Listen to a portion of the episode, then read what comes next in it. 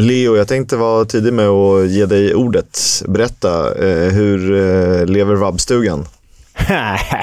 det är otroligt. Jag har alltså vår eh, en av våra söner har alltså öroninflammation och på det har han fått eh, diarré. Så det är ju dunderkalas här. Det är tur att man har en, en, en eh, farmor som kan eh, hjälpa till när eh, poddinspelningarna kallar.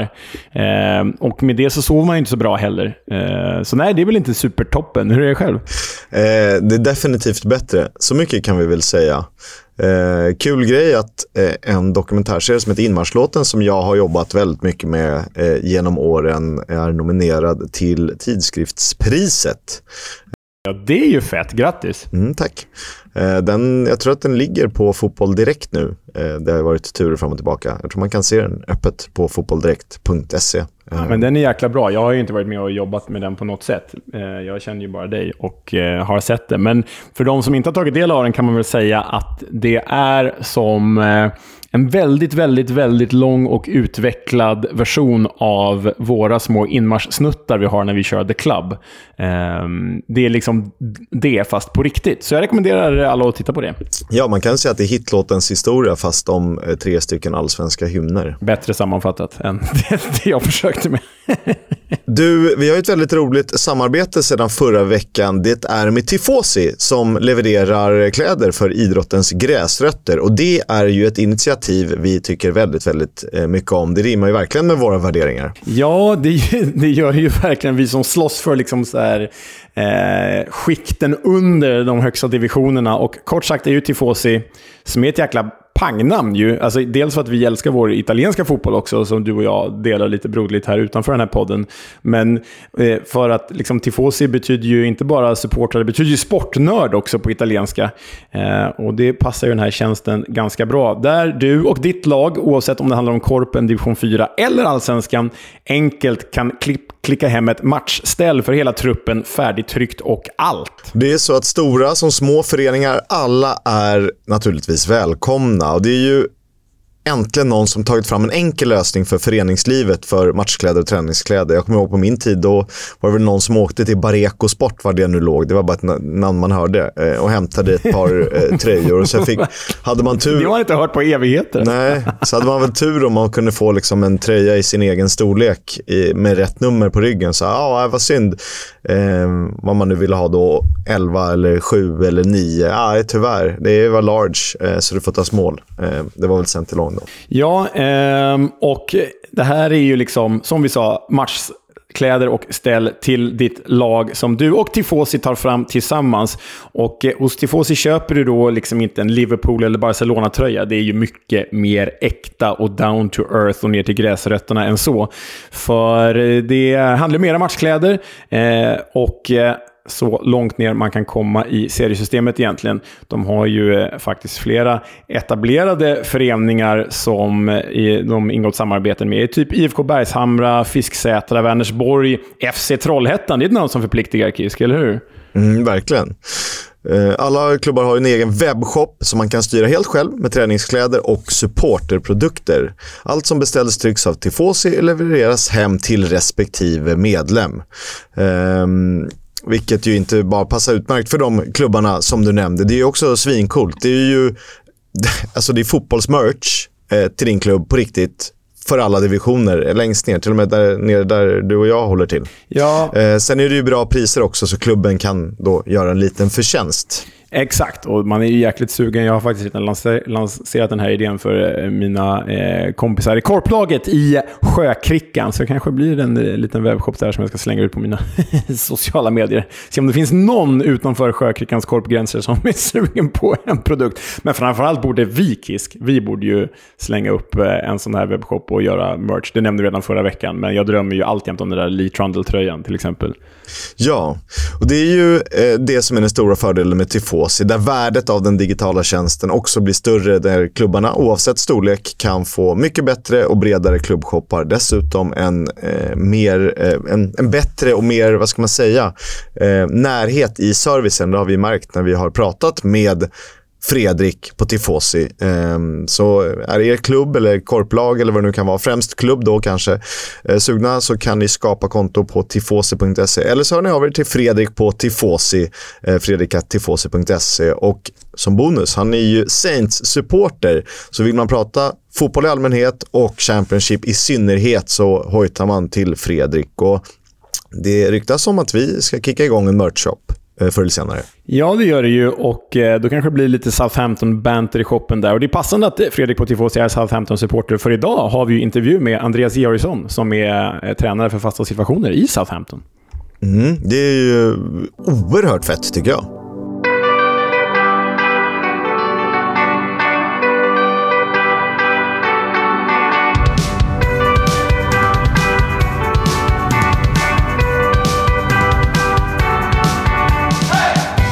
Du lyssnar på Football's Coming Home, en podcast om The Championship och så ibland lite League 1 och League 2.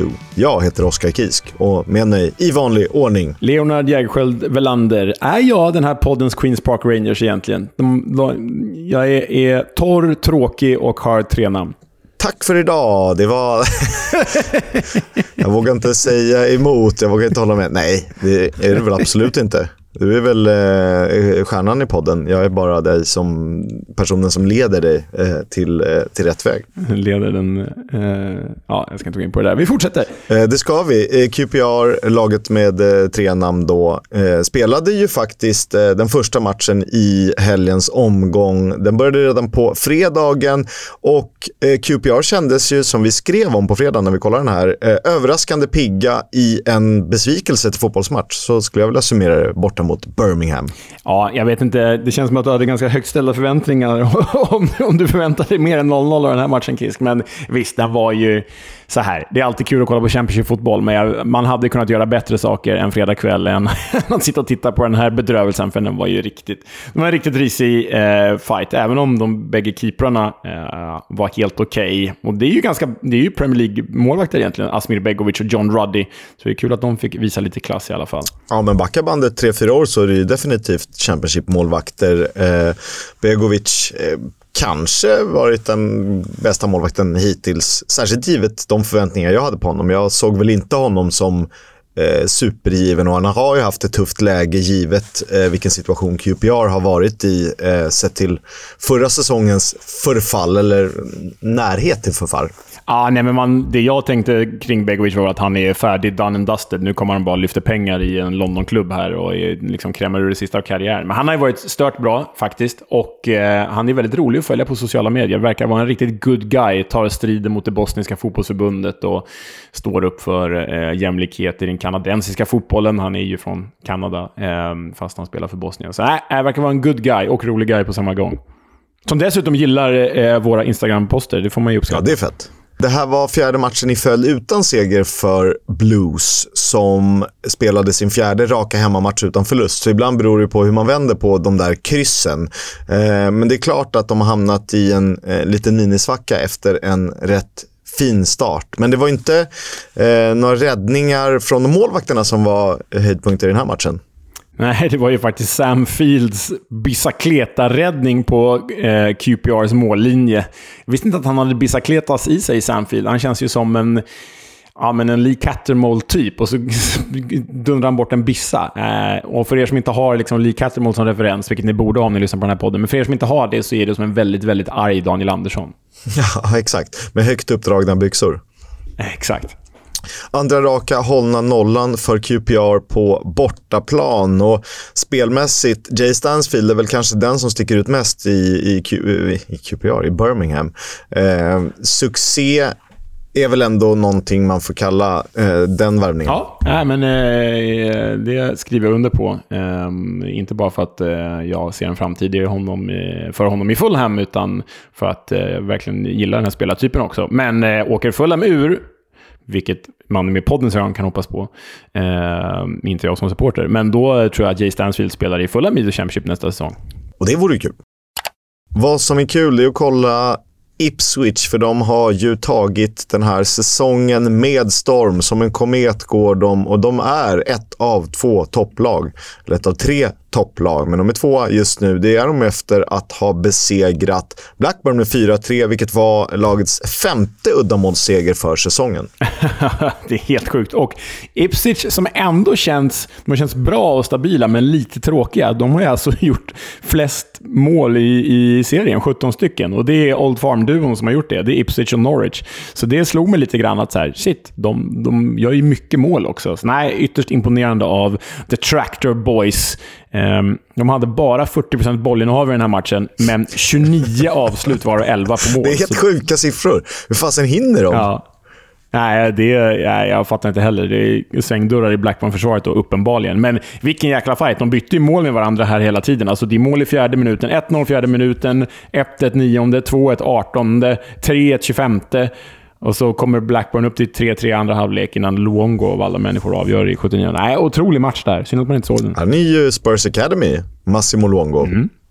Mm. Uh, Harry Clark gjorde sitt första mål för Ipswich medan Arne Sigurdsson uh, debutmålade för uh, Blackburn Rovers. Känner vi igen från IFK Norrköping. tror att han kan bli lite av en joker för Blackburn. Han har ändå det vi har sett hans höjd är ju otroligt fint. Han hade någon match mot AIK på, på Friends Arena där han var helt sanslöst bra i början av säsongen.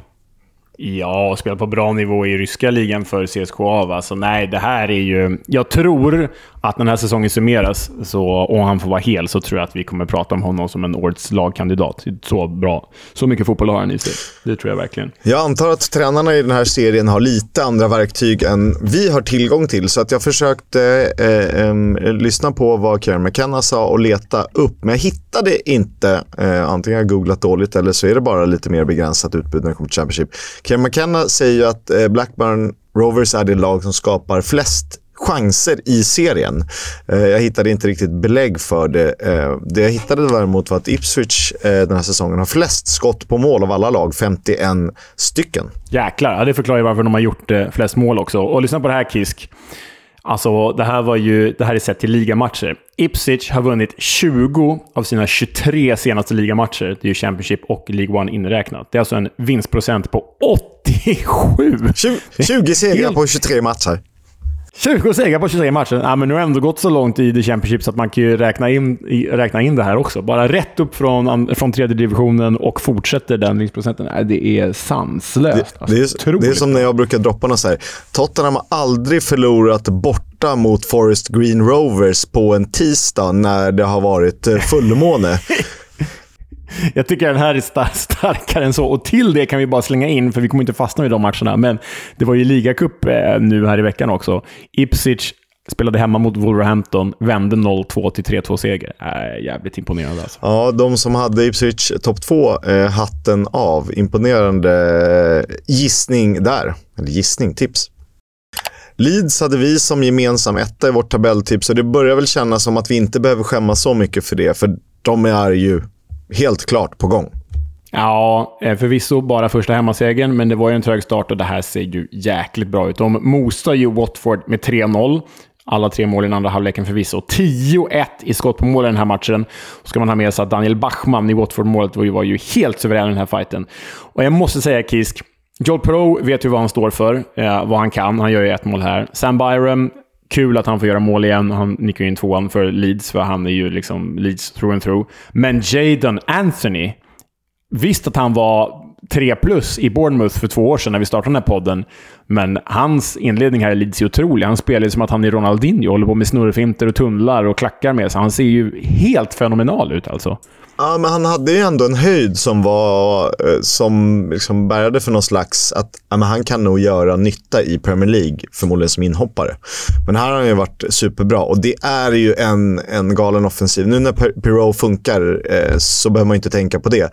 De har ju Georginio Rutter som bara flyter fram längst fram och gör lite vad fasen han vill. Han låg ju liksom på en sittande mittfältsposition och bara serverade bollar helt plötsligt. Så har de ju Summerville, nu har de ju eh, Villignonto skadad. Eh, och som vi inte har nämnt knappt egentligen, Daniel James. Han har ju redan gjort fyra assist den här säsongen. Toppar därmed assistligan, walesaren, som med kvicka fötter kan eh, göra lite vad han vill. Alltså, det är en sån jäkla bredd, för vem, de kan ju inte starta allihopa. Alltså, Pirou är självskriven. De spelar med fyra offensiva. Pirou är självskriven. Och sen ska du in då på de tre återstående platserna, så ska du välja mellan Rutter, Nonto, eh, Jaden Anthony, Crescencio Somerville. Ja, okej, okay, det är bara en du behöver peta. Men eh, ja, Daniel James, det är två du behöver peta. Så äh, det är ju... Och det, kom, det, det, behöver ju roteras. Det har vi sett nu när det var veckomgång tidigare. Det var ganska många som, ja, men vi pratade om Plymouth, vilade hela sin offensiva trio. Eh, det kommer ju behövas den här bredden om man ska vara ett av två lag som, som ska upp direkt. Så det blir väl Pirou, det blir väl Rutter och sen Somerville och James. Eller? Eller? Jag är ju en eh, Villinonto-kille, så ja, vi får se. Han är sjukt härlig. ja.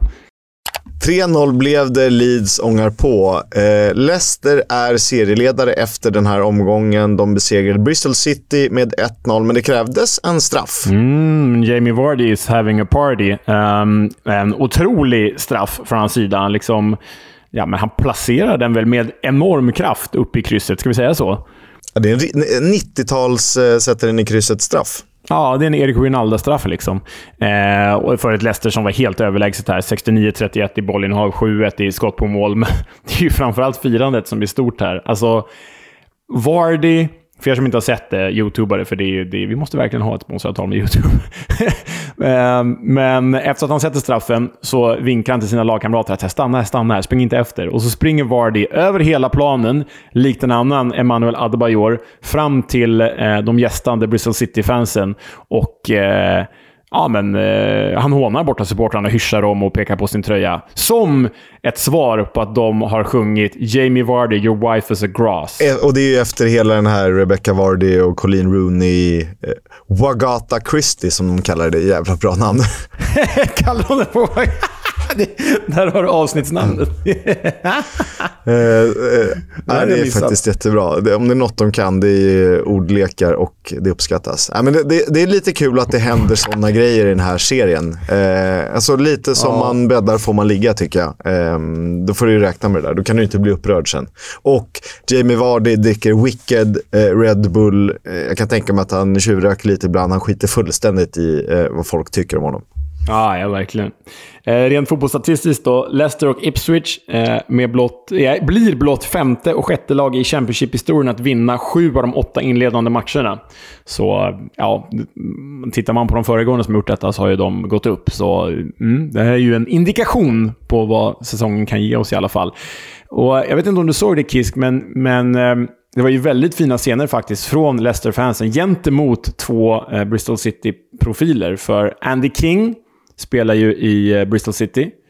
Eh, och han har ju förflutit i Leicester, vann ju ligan där med, med Ranieri. Han hyllades ju enormt av Leicester-fansen efter den här matchen. Liksom Nigel Pearson, som inte vann ligan, men som ändå var Leicester eh, ett par år där före Ranieri. Och både Nigel Pearson och Andy King var ute på sociala medier och skrev långa brev och tack till liksom, Leicester-publiken. Så det var fint. Vill man höra hela? Vi berättade om Leicester i, för ett par eh, veckor sedan, hela storyn med Nigel Pearson och allt det där. Eh, så det kan man fortfarande lyssna på. Mm. Eh, Middlesbrough vann mot Southampton med 2-1 i helgen. Och vi varnade ju lite för, eller jag varnade lite för att jag ville ha med ettan på kupongen och eh, det var ju klokt. Ja, nej men eh, det var ju klokt av dig och då ska jag säga så att Southampton faktiskt tog ledningen här genom Adam Armstrong. Liksom, de, de, nu blev de väl nollade förra omgången då, men de garanterar, de garanterar i princip mål framåt varje match. Men det får inte se ut så här bakåt. Alltså, här tappar de alltså ledning och Saints har flest insläppta i serien och den där defensiven, den är ihålig alltså. Och det är synd, för på pappret är det bra spelare. Vi har ju Ryan Manning och, och Gavin Bazunu och Taylor Howard Bellis. Och vad heter han, eh, högerbacken, eh, Walker Peters. Det är bra spelare, men ja, jag vet inte, hälften av dem tror att de är anfallare. i Eh, nämnde vi att Borough tog första segern för säsongen? Jag tror att vi gjorde det annars. Eh, gör vi det nu? Eh, viktigt för Carrick såklart. Harwood Bellis orsakade en straff, den som Johnny Houson sätter till 2-1. Han har ju inte sett kanonbra ut. Eh, och det är ändå en spelare som vi hyllade och liksom en favorit från eh, när han var utlånad till Burnley och eh, gjorde det hur bra som helst. Ja, nej, han var ju... Hade vi med honom i årets lag i, i våras? Han var åtminstone en av topp tre mittbackar förra säsongen. Jag tror vi hade honom bredvid Ahmed Hodzic, väl, i årets lag. Så bra.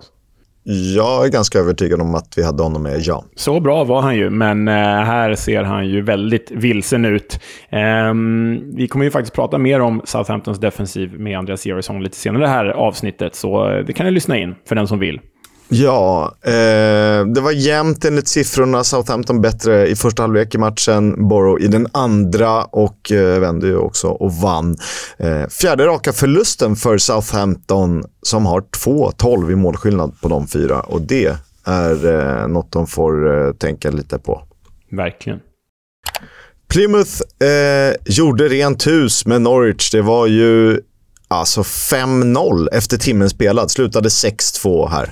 Ah, nej, jag blev väldigt förvånad för Plymouth har ju inte varit... Alltså när vi då synar dem väl förra veckan, och så här, fantastiska värvningar, men de har inte varit så bra. Bara sju inspelade poäng eller vad det var. Och så går de och mosar Norwich med 6-2. Och som vi lyfte som en av säsongens värvningar, jag tror att jag lyfte honom, jag lyfte honom som säsongens värvning. Morgan Whittaker står ju alltså för ett hattrick här eh, mot Norwich. Oerhört imponerande av Plymouth som då eh, ja, men fullständigt mosade den här uppflyttningskandidaten. Ja, det är, nu kommer vi till mina fina statistikrutor. Första gången på mer än 36 år, uh, alltså det var precis innan jag föddes, som Plymouth gjorde sex mål i en andra divisionsmatch. Ja, jäklar. Då vill man veta hur mycket de varit i andra divisionen. Men vi har ju faktiskt ett avsnitt om Plymouth från förra säsongen, så det är väl bara att, att lyssna på det så får, får ni reda på hur många gånger de varit i andra divisioner, så får ni räkna ut det själva. själva. Det gjorde de alltså i en match när Norwich hade nästan 70 procent av bollinnehavet. Återigen, hur fasen hinner de? Eh, ja, nej, det, det kan man ju fråga sig. Och eh, det är ju, alltså, tittar man på spelarna som är mål här, mål här Finn Sass, inlånad, Luke Kundle, också kommit eh, i, i somras. Alltså, det här värvningsmaskineriet från Plymouth. Sen reducerar ju Adam Ida två gånger för Norwich, men jag måste säga Kisk, Norwich eh, utan Josh Sargent, det ser ju inte toppenbra ut alltså. Nej, de har gjort 17 mål men släppte in 16. Så att det är inte jätte... De, alltså, de är väl... Eh, de är väl... Ehm, eh, de är målgladast åt båda håll, va? Nej, det är i och för sig några lag som har... Southampton släppt in flest, precis. men de är totalt, precis. totalt målgladast i dem. Ja, och det var roligt att jag bytte ut eh, Sargent när han blev skadad mot Morgan Whittaker i min Gaffer Fantasy 11. Du, jag vill bara att du ska vara med här på... på sen Sargent skadade sig, ska vi ta Norwich med och utan Josh Sargent. Är du med på det? Ja med George Sargent. 2-1-seger mot Hull City. Eh, 4-4 bort mot Southampton. 1-0 mot QPR i ligacupen. 3-1 mot Millwall. 4-0 mot Huddersfield. Bra. Alltså enda poängtappet är 4-4 bort mot Southampton. Utan George Sargent. 1-0-seger förvisso i ligacupen mot Bristol. 1-2 borta mot Rotherham. Eh, 1-0-seger hemma mot Stoke, så där kom en seger.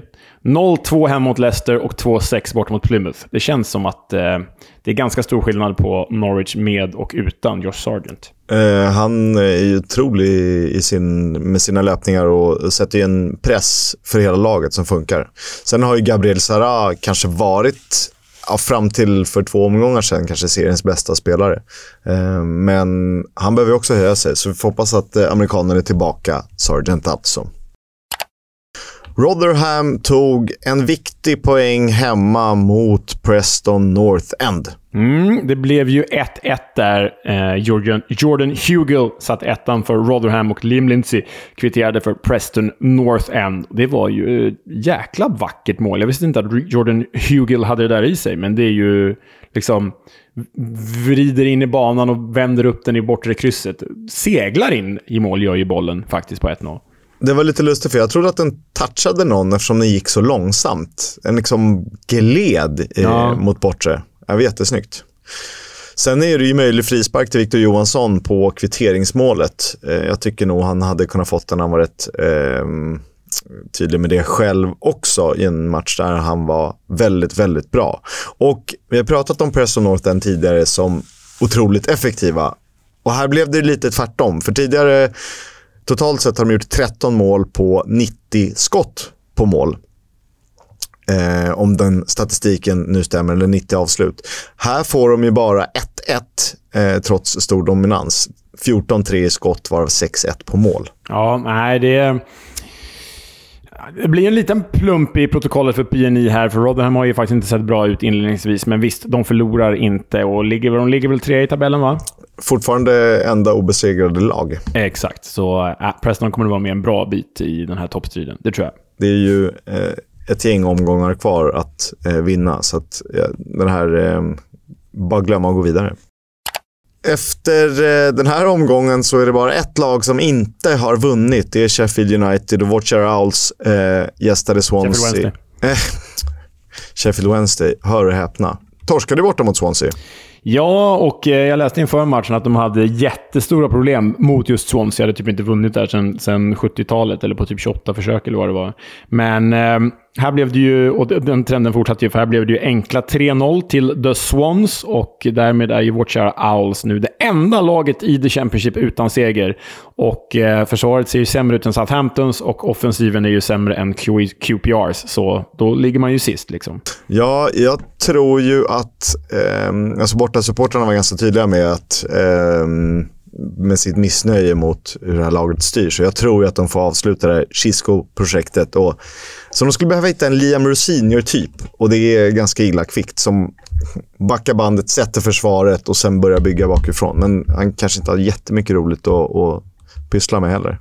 Alltså 100% övertygad om att Darren Moore med förra säsongens trupp, alltså ta bort nyförvärven som Sheffield Wednesday har värvat under sommaren, som ändå anpass, ska vara anpassad för The Championship. 100% övertygad om Darren Moore varit kvar med samma manskap som förra säsongen så hade de legat ovanför strecket i det här laget. Ja, det hade inte kunnat gå sämre. Nej, precis. Vad har de tagit? Eh, En poäng? Två poäng tror Två poäng. Mm. Kanon.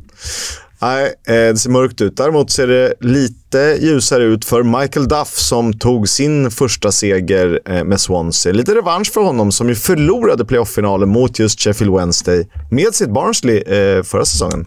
Ja, får se om Swansea kan lyfta nu. Det tog ju tid att få Barnsley att vakna. Det kanske behövdes lite tid här i Swansea också. Det återstår väl att se.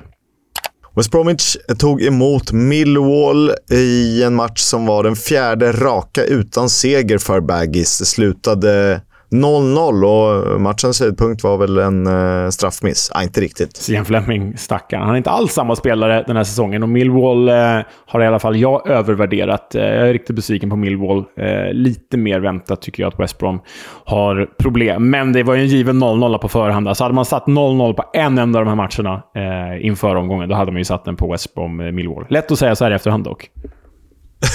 ja, det, jag analyserar med att säga hur det gick. eh, Jed Wallace och John Swift spelade i veckan. De bänkades i den här matchen. Eh, för övrigt hade West Brom faktiskt två ramträffar som ska räknas in till protokollet. Så att, eh, var väl kanske något bättre, men å andra sidan missade Sian Fleming en straff. Så att det kanske jämnade ut sig.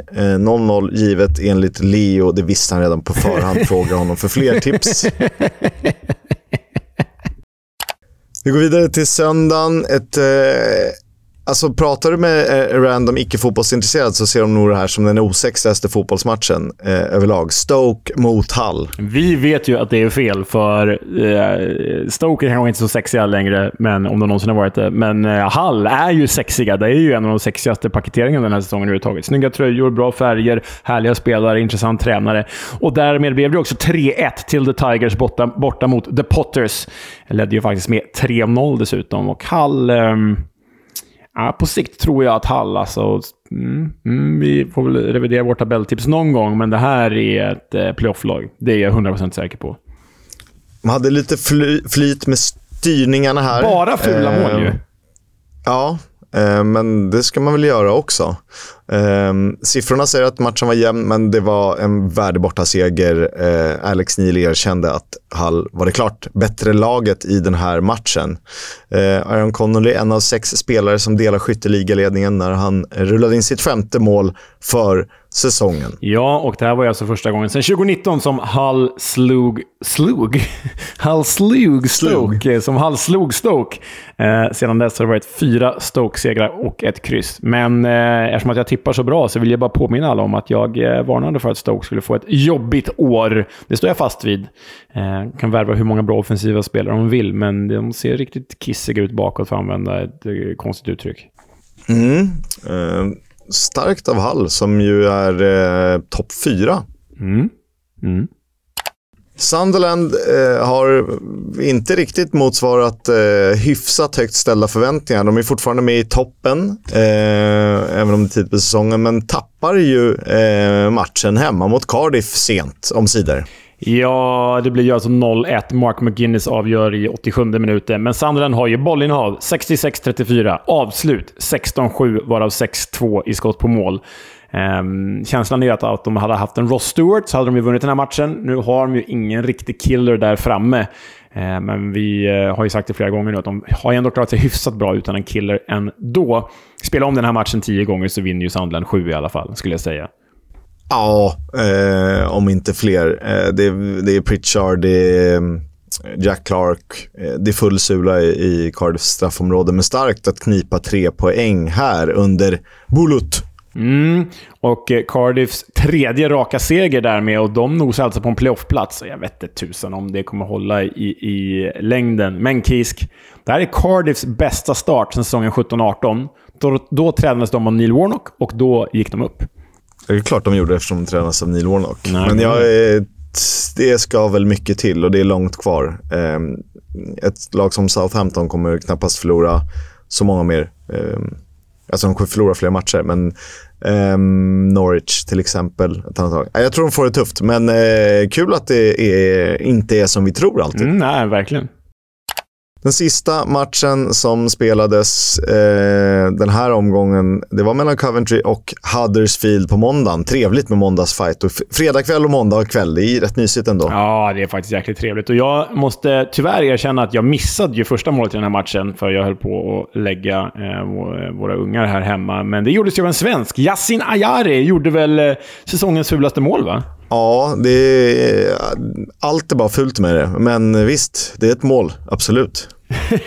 det tar ju alltså... Det är ju en retur eh, som går ut, eller går ut till Ajari. Den liksom bara studsar ner på honom och in i mål. Fan, han befinner sig i målgården, så han hinner inte ens reagera. Den bara ö, ö, mål.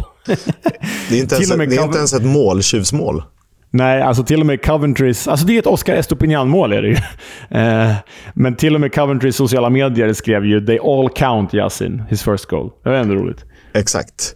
Eh, och i och med eh, eh det så kanske man trodde att Coventry skulle vinna, för de var väl ändå lite bättre i den här matchen. Men Michal Helik på stopptid 95 minuten kvitterar och löser en poäng åt Huddersfield. Och det betyder att Coventry är det, det lag som tappat flest poäng från ledning den här säsongen. Nio poäng. Mm, eh, jag får mig att det var Blackburn som hade det förra säsongen, va? Eh, eller kanske var Coventry. Blackburn hade någon annan. Skitsamma. Dålig, dålig historia eftersom jag inte kan den. Men eh, den stora grejen här det var ju att det var eh, Darren Moores eh, premiärmatch som tränare i Huddersfield. Och jag tycker i alla fall sista 25-30 minuterna av den här fighten så tycker jag att Huddersfield jobbade till sig ett mål. Tyckte de var värda det och Sorba Thomas gjorde en stor halvlek eh, i Huds. Um, såg ju direkt mer energifullt ut än, än Neil Warnocks Huddersfield faktiskt. Så eh, spännande med Darren Moore på den posten. Och eh, hör på det här och Kisk. Moores tre senaste matcher som tränare har alltså genererat mål från hans lag i 98 minuten, 112 minuten, 123 minuten och nu 94 minuten. Ja, sen spänning om man eh, ska ha Darren Moore. Han borde ju egentligen träna Sheffield Wednesday. Hade varit bättre. Så är det. Ellie Sims tycker jag ser rätt trög ut. Alltså. Mm. Det är inte i mm. närheten av den eh, spelare vi såg jämte Ross Stewart och som ändå fick spela en del själv också. Ja, nej, han ser inte alls eh, toppenbra ut. Och så byter de in Haji Wright som ju missade ett öppet mål från en meters avstånd kanske. Men sköt över på volley, så ingen av de där anfallsvärvningarna har ju börjat särskilt bra, även om Haji Wright målade i debuten. Men få igång någon av dem så är Coventry definitivt uppe på topp 6 och härjar. Lite stolpe in förra säsongen. Eh, det har de stolpe ut nu. Vi får se. Bör kunna lyfta något, åtminstone. Tror vi.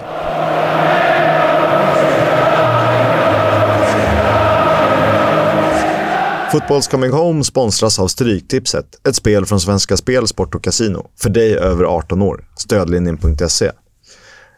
Jag landar ju i match 10 mellan Norwich och Birmingham eh, i helgen. Norwich då, med en av seriens kanske högsta, högsta nivåer hittills, har förlorat tre av de eh, senaste matcherna i ligaspelet och måste ju studsa tillbaka för att kunna ta rygg på topptrion. Med Gabriel Sarra i spetsen finns ju alla möjligheter i världen att ta en playoff-plats. Birmingham då? Oh, fem raka matcher utan seger i alla turneringar. Det här efter en ganska fin start. Och vi vet att det finns där, men det är två lag i poängbehov. Behöver plocka fram rätt verktyg. Jag känner mig hyfsat trygg med ettan här, men tänk att man får jämföra med övriga favoriter på kupongen och då kanske ska välja att gardera Birmingham på ett eller annat sätt. Leo, vad har vi i helgen? Fredagsfight. Sheffield Wednesday är igång på fredagen igen. Möter Sunderland, så det är väl en 0-3 där direkt då. Men eh, den bör man ju kolla på. Eh, den tidiga lördagsfighten, Kisk. Southampton-Leeds kommer ju bli eh, målrikt. Och så vill jag lyfta fram söndagsmatchen Blackburn mot Leicester. Jag tycker att Ainsley Pierce var ganska svag senast. Jag hoppas på en Leopold Wahlstedt-debut, även om jag inte tror på det. Eh, ni har hört oss prata om det tidigare. Neil Warnock tränar inte längre Huddersfield utan man väljer att gå vidare med Darren Moore som ju tog upp Sheffield Wednesday till Championship men därefter inte fick förlängt förtroende. Eller de kom inte överens om hur framtiden skulle målas upp för klubben. Mm. Precis, och det har varit väldigt mycket fulspel från Def... Def hur säger man? Def Depon Chansiri, Sheffield Wednesdays... Eh, Säg som jag, Mr Chansiri bara. Mr Chansiri, Mr Chansiri, thank you. Uh, nej, men uh, riktigt fult spel från Chansiri som har beskyllt Moore för att ha krävt fyra gånger så mycket pengar och Moore har ju tillbakavisat det. Så nej, det ser inte bra ut. Ser bättre ut för Huddersfield. Jag tror absolut på uh, den här uh, tränarutnämningen, uh, Kisk. Jag tycker det känns som att Huddersfield fortfarande är en av de sämsta trupperna i serien. Men jag tycker att det signalerar långsiktighet, det signalerar trovärdighet och eh, det signalerar säkerhet. Det känns som att de helt plötsligt eh, blir kanske lite minifavorit att klara det där kontraktet ändå. Vad känner du kring Moore? Jag delar din tanke. Jag tycker efter att ha sett åtta omgångar att Sheffield Wednesday ser ut att ha det svagaste laget. Ehm, helt klart. Och dessutom är det lite apart. Huddersfield har ändå ett lag plus någon liten krydda, typ en Sorbet Thomas karaktär. Och Delano Burgsorg. Eh, vi nämnde det förra veckan. Queens Park Rangers har nu gjort klart med Reggie Cannon som kommer gratis från Boavista. Det är ju en ytterback som lär ta Osman Kai KKs plats i QPR 11. Det är stor skandal i Scunthorpe som ju har stängt av säsongskortsinnehavare för att de kritiserat klubben på sociala medier. Och är vi i Nordkorea eller? Nej, det är så sjukt att Scanny har en ägare som håller på så här. Och de fick ju då så mycket kritik, inte bara från massa Scunthorpe-supportrar, utan liksom från hela fotbolls-England. Så de tog bort sitt, sitt Twitterkonto. tog de bara bort helt och hållet. Så de kör ju strutsen, Scanny. Eh, är trist, för eh, eh det är ju en klubb som man ändå vurmar lite för, bara sådär. Så eh, usch, usch, usch. Bort med den ägaren. Jag såg att supporterunionerna var inkopplade och eh, lär väl lösa det här på ett eller annat sätt. Manchester City-lånet Callum Doyle i Leicester är skadad och kommer eh, missa ett par veckor, om inte månaders, spel. Så eh, tråkigt för både honom och för Leicester. West Brom närmar sig försäljning och de hoppas att det går att lösa innan året är slut. Och det är som tidigare, alltså det nämns köpare från Mellanöstern, inga namn eller länder. Eh, dessutom eventuella köpare från USA. Men som sagt, inga detaljer så vitt jag kan titta. Nej, och sist ut i nyhetssegmentet är det så att det kommer uppgifter från Spanien att Barcelona vill ha Wilfred Indidi, Leicesters mittfältare, som enligt eh, Transfermark, Transfermarkt är högst värderad av alla spelare i serien. Hans kontrakt går ut nästa sommar. Du, Leo har ju fått den stora äran att prata med en svensk i Championship. Ehm, det är inte vem som helst, det är inte en spelare, utan det är Southamptons fasta situationer-tränare Andreas Georgsson tidigare, bland annat i Malmö FF och Arsenal. Ehm, vill du säga något mer innan vi lyssnar? Nej, vi kör bara.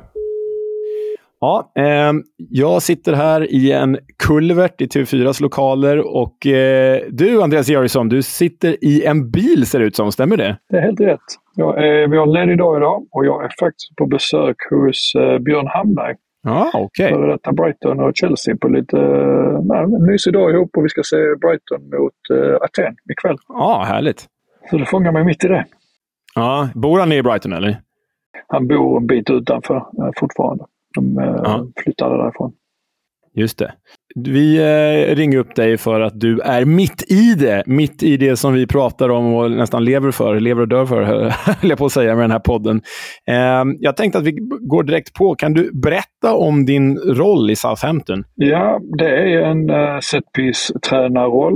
Uh, så egentligen ansvar för alla fast situationer offensivt och defensivt. Och en av de assisterande tränarna är Russell Martins uh, team. Uh, så vi är sex tränare som liksom jobbar väldigt nära under honom med olika assisterande roller. Mm, hur eh, trivs du i Southampton? Hur har liksom inledningen varit? Det har ju eh, sportsligt varit några tunga resultat här på slutet. Hur, eh, hur har det varit både sportsligt och utanför planen? Nej, men intensivt. Det blev ju en väldigt sen start för mig. Jag började egentligen typ på dag, samma dag som seriepremiären borta mot Sheffield och sen så blir det liksom att det gäller då att hitta eh, en bra balans i hur mycket saker man matar på med eh, till en trupp som samtidigt eh, hanterar transferfönster och mig då som ny med hela processen kring fast situationer. Eh, så att det har varit liksom en balansgång i att eh, hur mycket information och hur mycket nyheter ska droppas in varje vecka för att till slut ha byggt en grund som, som känns stabil och trygg att stå på. Eh, så måste jag säga att det har blivit väldigt, det har känts bra.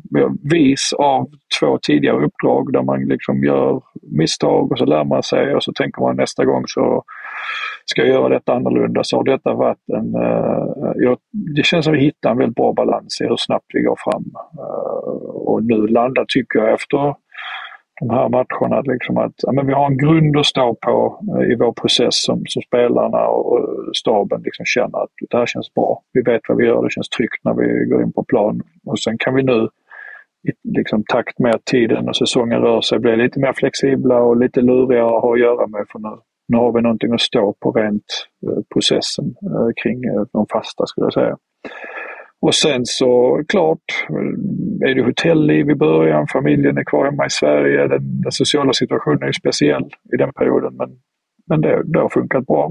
Uh, man kan gå all in på, på att liksom komma in i jobbet, uh, vilket är bra på sitt sätt. Men så saknar man ju fru och barn såklart. Uh, och sen vet du, så fotbollen är som den är. Den, den blir man ju den blir man rätt härdad av eh, när man är eh, i den här branschen. Att resultaten, det är liksom, man kan eller jag har väl försökt hitta en metod att inte, det kan inte prägla mitt välmående. För ibland får man vinster man inte förtjänar, ibland får man motgångar man inte förtjänar. Ska man för mycket ryckas in i den, att låta det påverka ens självförtroende eller självkänsla eller välmående så då är det svårt att njuta av fotboll eh, på den här nivån. Är det något jag har bestämt mig för så är det att jag ska njuta. Jag älskar fotboll och jag älskar eh, Championship och, och engelsk fotboll så att eh, jag kommer göra allt för att göra ett riktigt bra jobb men eh, försöka njuta av resan. Nyckel, nyckel till överlevnad i en ganska kravfylld bransch kan jag tänka mig. Jag tror kravfylld och det är fine, eh, men den är nyckfull också. Alltså fotbollsresultat är ju på kort sikt eh, väldigt nyckfulla. Det är små, små saker som påverkar om det är succé eller fiasko.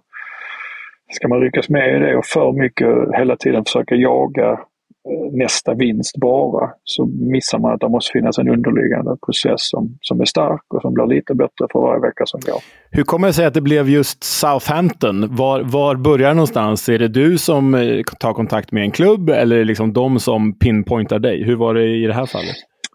Det var väl egentligen eh, några olika klubbar som hörde av sig i sommar eh, för den här rollen och där det fanns bra diskussioner. Eh, i samband med det så anställdes Russell i, i Southampton och eh, Rasmus Ankersen som, som jag jobbar med i, i Brentford är ju en av vägarna här. Så att eh, i, i takt med att det börjar visa sig att jag kommer nog komma tillbaks till England så pratade jag också med Rasmus och sa liksom att ja, pratade vi om deras nya huvudtränare och så sa han att ja okej, okay, är du intresserad av att komma tillbaks till England då ska vi nog då ska du nog prata med Russell också för vi vill ha en fasta situation av tränare och vi tror det passar bra. Så det var egentligen en kombination.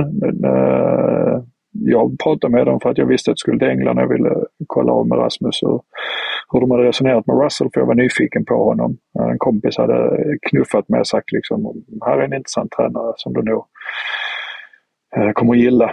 Och sen så på den vägen så helt plötsligt så, så stod jag där. Jag förstår. Du, du nämnde ju att du älskar engelsk fotboll, du älskade Championship. Vad är engelsk fotboll för dig? Är du uppväxt med, som många hos er, med liksom, eh, den klassiska engelska fotbollen? Bara beskriv det. Vad är engelsk fotboll för dig? Nej, men det är väl hela den här liksom, kulturen kring lördag klockan tre och att eh, då går man på fotboll, boxing day, då går man på fotboll och det går liksom över alla samhällslager och även de människorna man stöter på, grannar och liksom eh, andra föräldrar och så. Även om de inte är fotbollsintresserade så är ändå fotboll en stor del av deras, till, deras tillvaro på något vis. För det är helt så här, det är bara så allmänt accepterat att det, det hängs, de flesta familjerna hänger upp sin vardag på något vis kring den lokala klubben och, och sen så det var skitläckert i Premier League. Jag gillar, det, jag gillar det också jättemycket. Men det är någonting med Championship som är väldigt, eh, det är väldigt äkta. Där är liksom inget var och där är, det är mycket resande supportrar hela tiden. Det är, eh, det är väldigt intensiva matcher. Du möter väldigt olika motståndare och det tillåts ganska mycket i duellspel och i kommunikation, domare, eh, tränare, publik. Alltså, nu blir man påmind igen om att men efter två förluster så helt plötsligt står där en, en meter bakom bänken och berättar vilken, eh, vilken idiot man är som inte vinner matchen. Och Ja, det är klart, det är inte skitkul, men det är någonting i den här liksom, eh, känslorna och passionen och att det betyder mycket för folk. Eh, så jag bara gillar det. Det är liksom, Ja. fotboll är passion för mig. Ja, ja, jag håller med. När du, när du växte upp, hade du något engelskt favoritlag då? Något som du liksom kände extra för?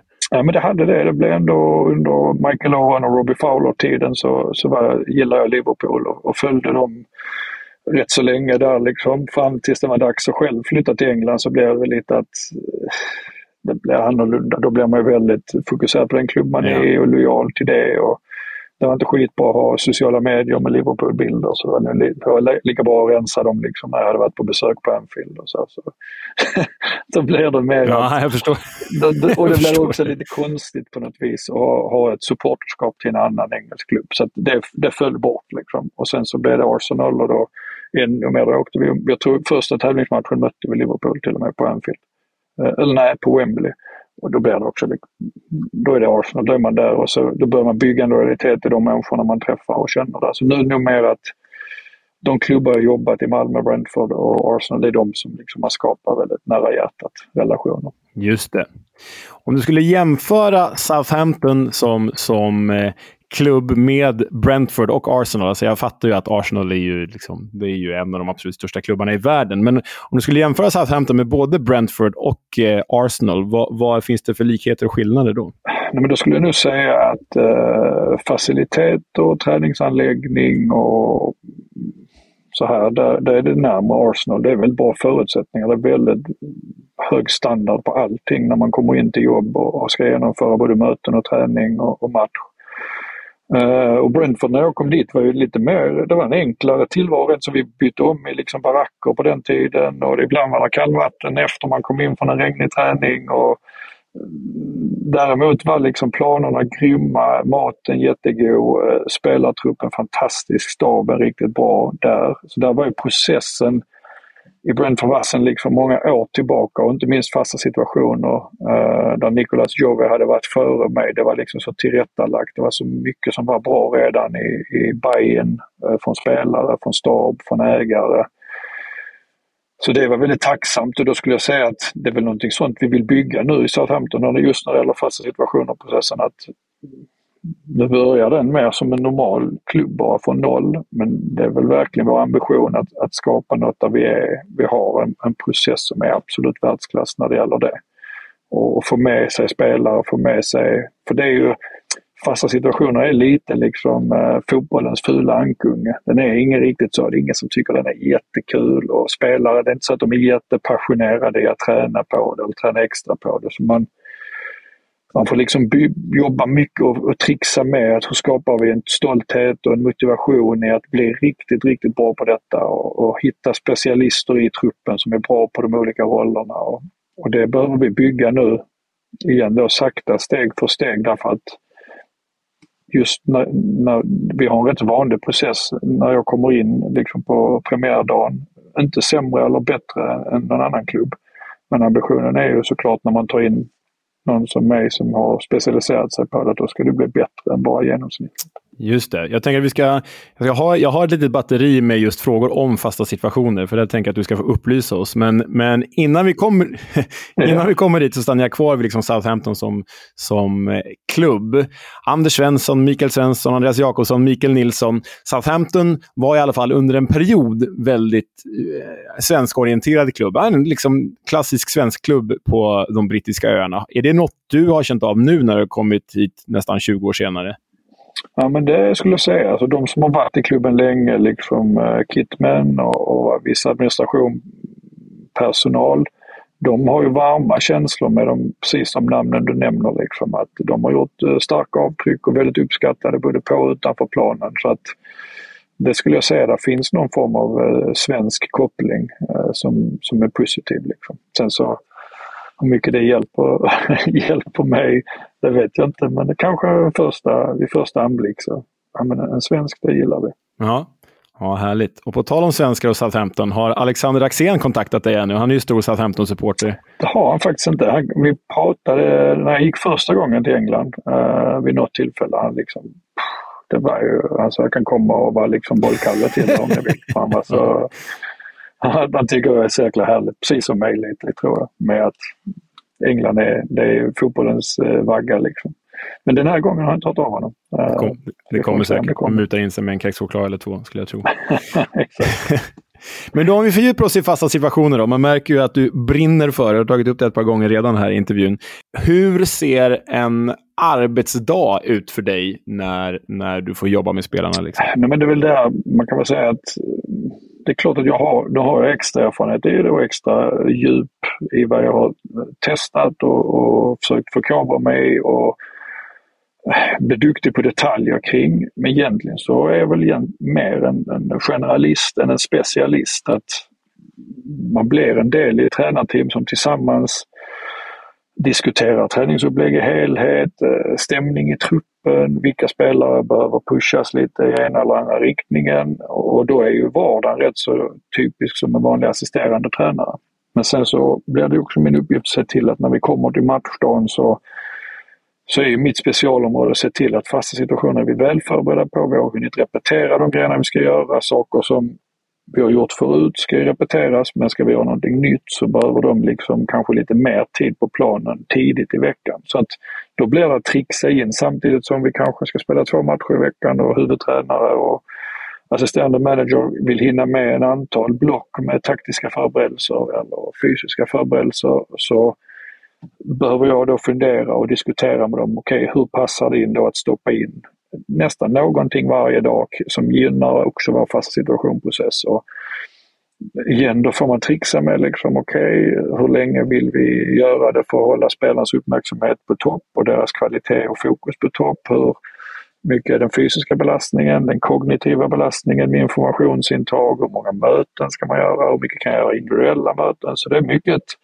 att tillsammans pussla ihop en vecka när förberedelserna är perfekta, men när vi går in till matchen så är spelarna ändå inte så övermatade med information så att de liksom inte kan spela på intuition och, och med fri eh, känsla. För det, det, tror vi alla väldigt mycket på. att ska man, inte minst med det spelsättet vi har, ska man kunna spela det så måste man också känna att man inte behöver springa och tänka hela tiden. För då, då blir det ofta ett ganska långsamt spelsätt. Utan det är mycket att hitta den balansen genom veckan. Att vi vill droppa in detaljer på ett skickligare sätt och mer än, än, än en vanlig process. Men det, i och med att jag också kom in rätt sent så får man vara lite försiktig med att man kan inte bara braka på och köra liksom halvtimme, timmes långa genomgångar för att tro att man ska hinna med allting. För att då, då blir det ofta bara att det försvinner. Då kom, fastnar bara 10 procent ändå. Mm. Um, hur jobbar man som, i, i, din roll? Jobbar man brett? Eller fokus, har du så speciella fokustillfällen? Att hörni, idag tittar vi bara på hörnor eller bara frisparkar eller bara inkast. Vad, vad, hur, hur delar man upp det? Liksom? Ja, men det kan vara olika och samma där. Ofta tidigt i veckan så tar man någon detalj och då tar man kanske inte hela spelartruppen utan då tar man de som är framförallt förväntas vara inblandade i en rutin eller i en defensiv situation eller och så kan man lite lugnare tempo gå igenom kanske utan motståndare eller med några få motståndare eh, så att man kan få detaljer rätt. Inte lika, för det handlar mycket om, fast situationen är mycket om att få timing rätt, få organisationen rätt, få alla att ta sig till rätt yta vid rätt tidpunkt och få bollen dit. Och ibland är det bra att kunna göra det lite mer, inte så pressat, inte så mycket motstånd, utan man får repetera det i lugn och ro och diskutera vad är den perfekta vinkeln eller, eller tekniken. Eh, uh, Medan ju närmare matchen man kommer så vill man ofta ha med allihopa och gärna 11 mot 11 för att kunna replikera exakt hur det kommer att se ut dagen efter. För då har man en chans att filma det och titta på det igen och se alla, verkar alla vara med på det vi ska göra? Eh, är det någonting som behöver justeras? Så att när de kommer ut på matchdagen så känner de att ja, men detta har vi gjort i veckan tidigt och sista dagen genrep och och sen på matchdagen kan man förhoppningsvis lämna dem ganska mycket i fred så att de bara kan få fokusera på liksom känslorna kring en match med lite anspänning och, och allt vad det kan vara, nervositet och trötthet. Att inte då också behöva ta in en massa ny information. Vad är den senaste trenden inom fasta situationer? Finns det någon liksom in, inom fotbollen?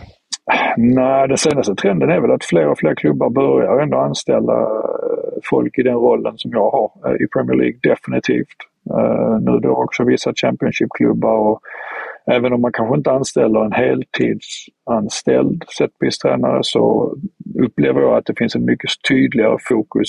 Annars är det liksom ofta att man delar på det i sin tränarstab, att målvaktstränaren tar det defensiva och en av de assisterande tar det offensiva, vilket man väl alltid har gjort. Men att det ändå är tydligare fokus, man lägger tid på det och det är jag tror det finns en tydlig acceptans att detta det, det är för viktigt för att bara liksom, ah, det är tråkigt och spelarna tycker inte om det så vi, vi skiter i det. Så det skulle jag nu säga är den tydligaste trenden för att annars så, nej, annars tror jag det ser ut som det gör. Lag gör lite olika. Har du ett stort övertag i luften sätter du in fler bollar i, i straffområdet direkt. Har du ett lite större underläge i, i duellspel så spelar du fler korta. Um, men um, det är inte så att lag har jättestor flexibilitet. Ofta gör de ganska lika saker match efter match. Och det är inte så ofta du blir jätteöverraskad eh, när du kommer till matchdagen. För att, jag tror inte lag har rikt, de lägger inte så mycket tid att man hela tiden hinner träna in nya saker. Det skulle jag inte säga. Och där nämner du att man anpassar sig efter det material man har. Så du, när jag, jag hade en fråga här, liksom, vad anser du om korta hörnor kontra hörnor direkt in i box? Men då, då antar jag, lägga svar i mun på det här, men då antar jag att du kommer svara att det beror på vilket material man har, vilka spelare man har. Ja, det tycker jag absolut. Och sen så tror jag att egentligen eh, man ska alltid spela kort ibland.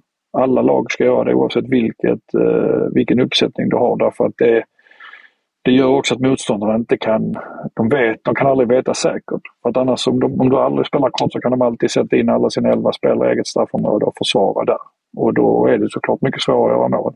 Eh, spelar du kort med, med viss regelbundenhet så kommer du hela tiden att locka ut motståndarspelare och då kan du öppna upp ytor även för dina direkta hörnor in i straffområdet. Det är väl det som, alltså inte minst i England, en, en kort hörna framkallar ju ofta både suck och, och burop, liksom. framförallt om de inte blir bra. Men uh, just det här, lite Ulf Lundell, en inställd spelning är också en spelning. uh, en dålig kort hörna är också en bra hörna för din, för din hela process. Uh, sen så gäller det kan man dessutom bli väldigt skicklig på att göra korta hörnor då, så är det ett väldigt bra vapen att skapa målchanser också. Just det. Och sen då för en, en, en eh, sån liksom lekman som jag, som, om jag pratar inkast här nu då. Man, man tänker på Roy DeLapp förstås, man tänker på Kalmar en viss period, men hur effektivt kan ett inkast vara? Väldigt. Så det är väl en sak också som lag ägnar väldigt lite tid till att träna på. Eh, både korta i spelet och sen så är det fler jag skulle ändå säga att väldigt många lag har en lång kastare nu för tiden och har en, en rutin för hur man vill försöka utnyttja det. Så att eh, den här, hälften av matcherna får vi nog förbereda oss på att försvara ett långt inkast i alla fall. Och Sen så har vi själv, ja, i och med att jag kom in väldigt sent så har jag inte börjat göra inkasten än utan då de redan de har en metod som fungerar från försäsongen och då har vi inte valt att ändra i den än så länge. Men med, med tiden så, så kommer vi garanterat säkert kunna börja pilla ännu mer i det också. Uh, för det är ett sätt att skapa målchanser, det är ett sätt att skapa en dominans i matcher och, och styra momentum till sin sida. Så att uh, det kommer absolut vara en del av, av jobbet också. Jag har en fråga medskickad från Kisk här som eh, kanske är den sista om, om just fasta situationer specifikt. Men inåt eller utåtskruvade hörnor? Men jag föredrar inåtskruvade. De, de har lite högre eh, successprocent men eh, framförallt så du, du tvingar motståndarens försvar att vara närmare eget mål. Vilket av olika skäl då eh, kan vara gynnsamt. Eh, så att jag föredrar det. Du, James Ward-Prowse spelade ju i Southampton och honom känner vi ju som en liksom, kung av fasta situationer. Hur surt är det att han stack just ur din liksom, eh, yrkesaspekt? Uh, nej, det är klart det det är bra att ha världens bästa frisparksskytt i laget. Det är ingen tvekan om det. Men uh, det är samma där. Man blir också ärrad i den här branschen att det, det, liksom, det finns så mycket externa saker som man inte kan påverka. Och, och lägger otroligt lite kraft och tid på det. Jag, jag, var rätt så förberedd på att han nog inte kommer att spela med oss uh, redan när jag skrev på. Så det var inte så att jag eh, blev chockad när det visade sig att han inte skulle vara med oss. Du, Russell Martin Ball har ju blivit ett uttryck i England och för oss som följer The Championship. Han har ju eh, redan i MK Dons i League One så körde han ju det här eh, med risk för att vara för generaliserande nu, men det här tiki-taka-inspirerande spelet och så vidare till Swansea där det ju gick det gick ju bra. Det var ju bara vad var det, sex poäng från playoff i, i, i våras. Och sen Southampton nu. Det är ju ändå en stil som sticker ut och får ju det är, en, det är en diskussion i England där det verkar nästan vara två läger. Där många progressiva fotbollstänkare eh, är för Russell Martin Ball och sen det här många traditionella eh, engelska fotbollsmänniskor eh, eh är, är emot att det rullas runt för mycket. För, eh, hur är det att jobba med Russell Martin Ball? Det måste ju ändå vara annorlunda.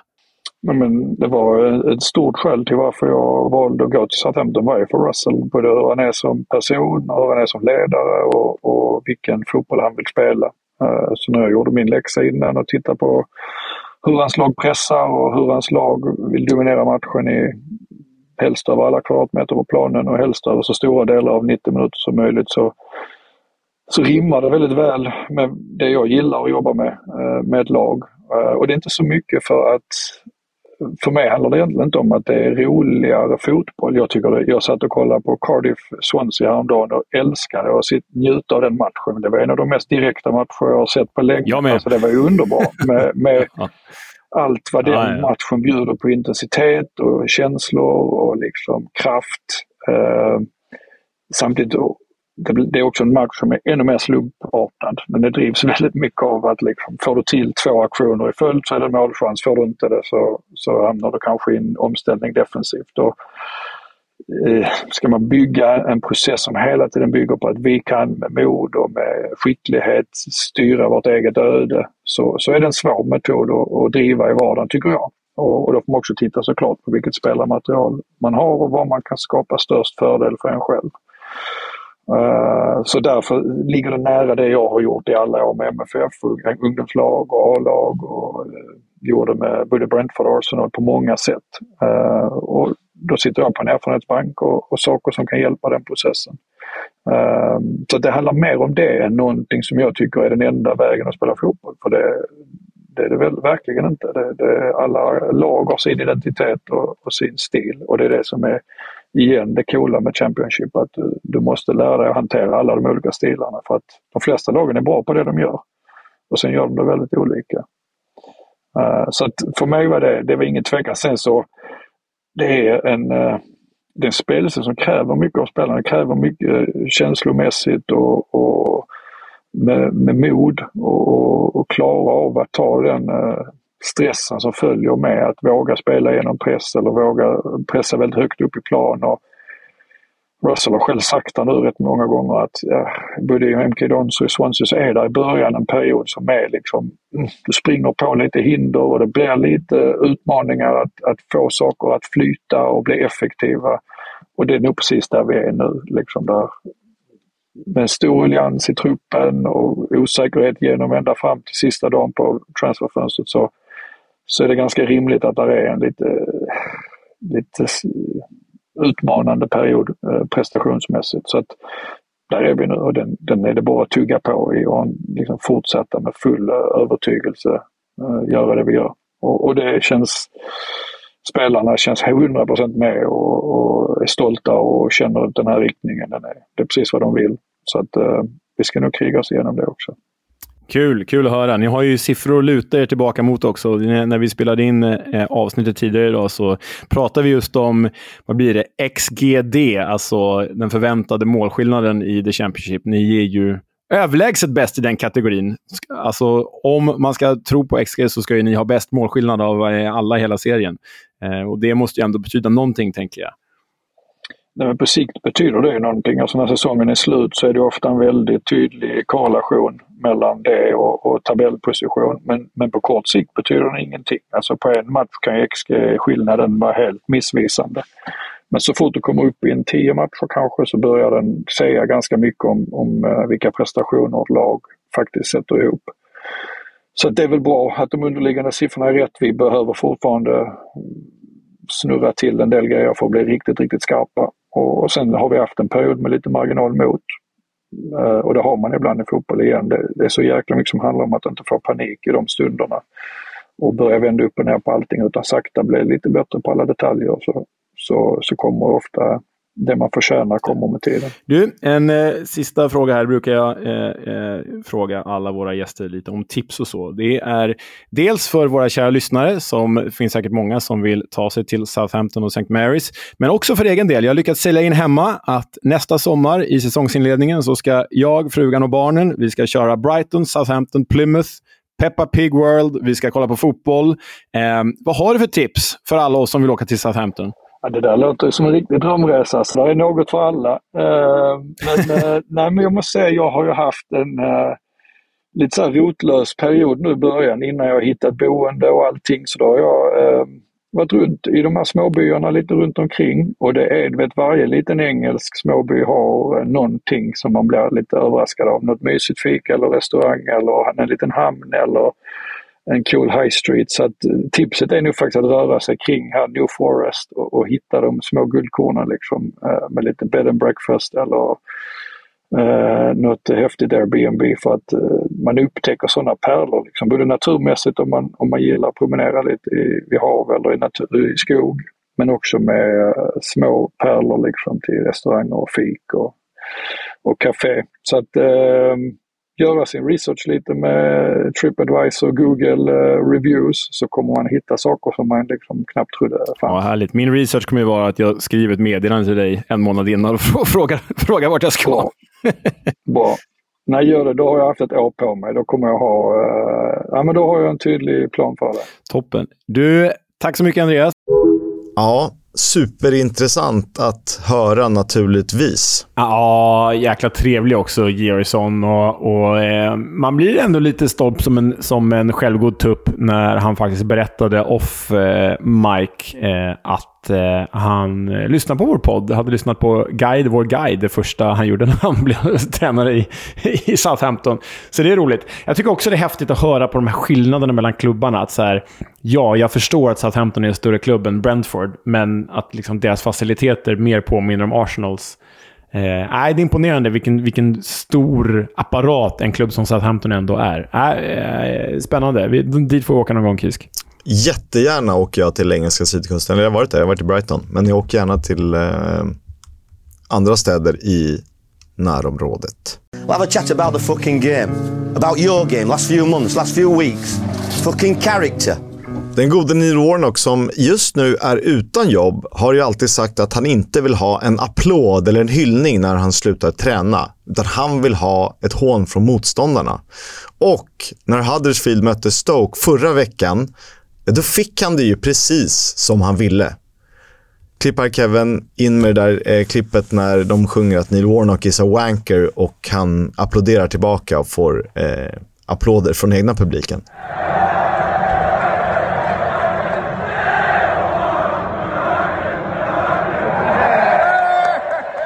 Neil Warnocks, Warnocks och Wanker, att liksom Stoke-fansen kör det, det är så jäkla bra. Och det är, de gör ju det för att de tycker det, men också för att de vet att han vill ha det. Ja, det, var ju exakt eh, ordagrant det han sa. Att när jag slutade vill jag höra Warnocks Wanker. Ah, det är fantastiskt. Det är fantastiskt. Det är bara en som kan vara sån. Eh, kom tillbaka i tränarskapet. Finns det Sheffield Wednesday? Det har vi pratat om. Ja, vi lanserade det förra veckan och så kom vi på att han är Sheffield United-legendar. Så att det kanske blir svårt. Men visst, han skiter väl i det. Det vore kul. Eh, tack för idag. Eh, kul med eh, Tifosi och Stryktipset med oss. Roligt att Andreas Georgsson är här. Eh, vi får väl se vem som är näst på tur att prata med. Noah Bachner kanske? Noah Bachner, eh, vi har ju lite kontakt med AFC om Norberto Solano. Vi lovar ingenting, men eh, vi får se vem det blir. Till dess, vi hörs. Hej!